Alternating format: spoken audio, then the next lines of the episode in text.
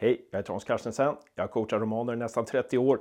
Nu ska jag coacha dig och idag ska vi prata om spänning. Men innan vi gör det, ta och prenumerera här så missar du inte nästa avsnitt heller.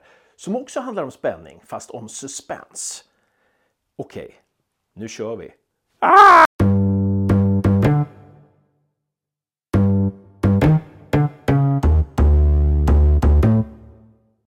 Man kan säga att allt berättande handlar om spänning egentligen. Det handlar ju om att skapa ett kontrakt med en läsare, en publik och få publiken att sitta kvar eller läsa vidare för att det finns en osäkerhetsfaktor där.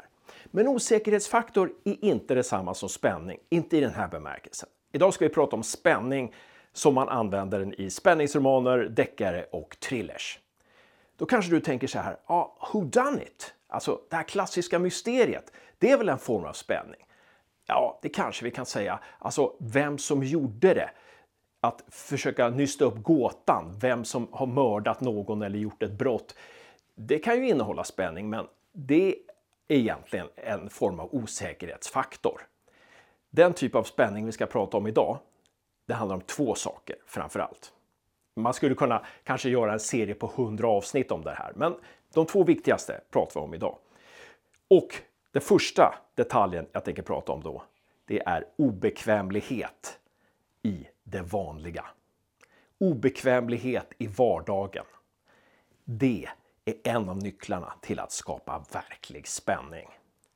Det är mycket mer spännande om det händer något läskigt eller obekvämt eller ovanligt ska vi säga, i ett barns rum än att det händer i ett eh, rum som tillhör en vampyr. Det är mycket mer spännande om det händer något ovanligt när en person är på jobbet i skärken än att det händer något ovanligt i en spöklik skog. För den är ju redan ovanlig. Är ni med hur jag tänker? Till exempel så blir det mycket mer spännande om en psykopat visslar på dansbandslåtar eller är helt besatt av Melodifestivalen. För Melodifestivalen eller dansband, de har ju en form av vanlighet över sig. Va? Och det gör psykopaten ännu läskigare. Varför blev Gudfadern en sån succé? Jo, för att det var en familj med familjelika band mellan sig som tog hand om varandra och samtidigt begick mord och grova brott. Så obekvämlighet i vardagen, det är en av nycklarna till att skapa spänning. Så hur ska du gå vidare nu? Jo, du ska göra en övning.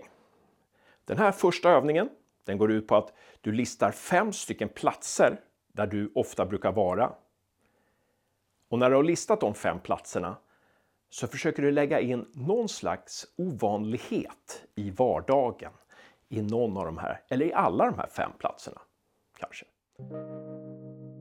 Så gör en lista på fem platser där du brukar vara och lägg till någon obekväm detalj i vardagen.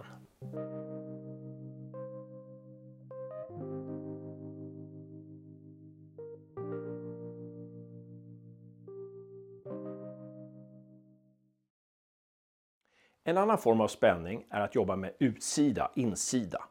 Och vad menar jag med det?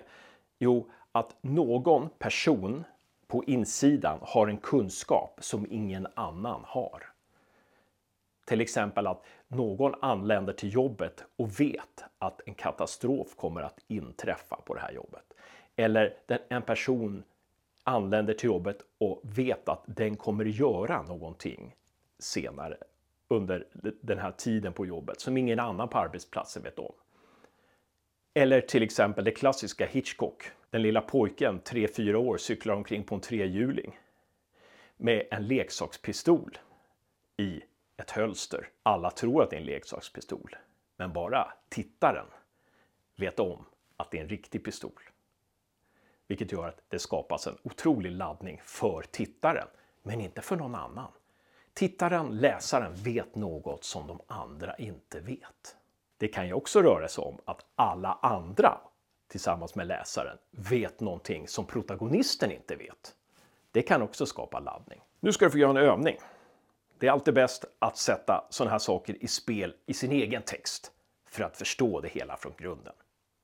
Gå tillbaka till den här listan med de fem platserna som du listade i den första övningen.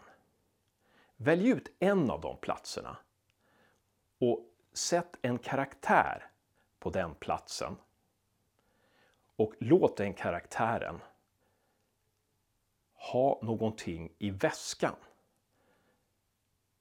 som ingen annan än den här karaktären känner till. Och tänk så här att om någon annan kände till det här som den här personen har i väskan så skulle det bli kaos på just den här platsen.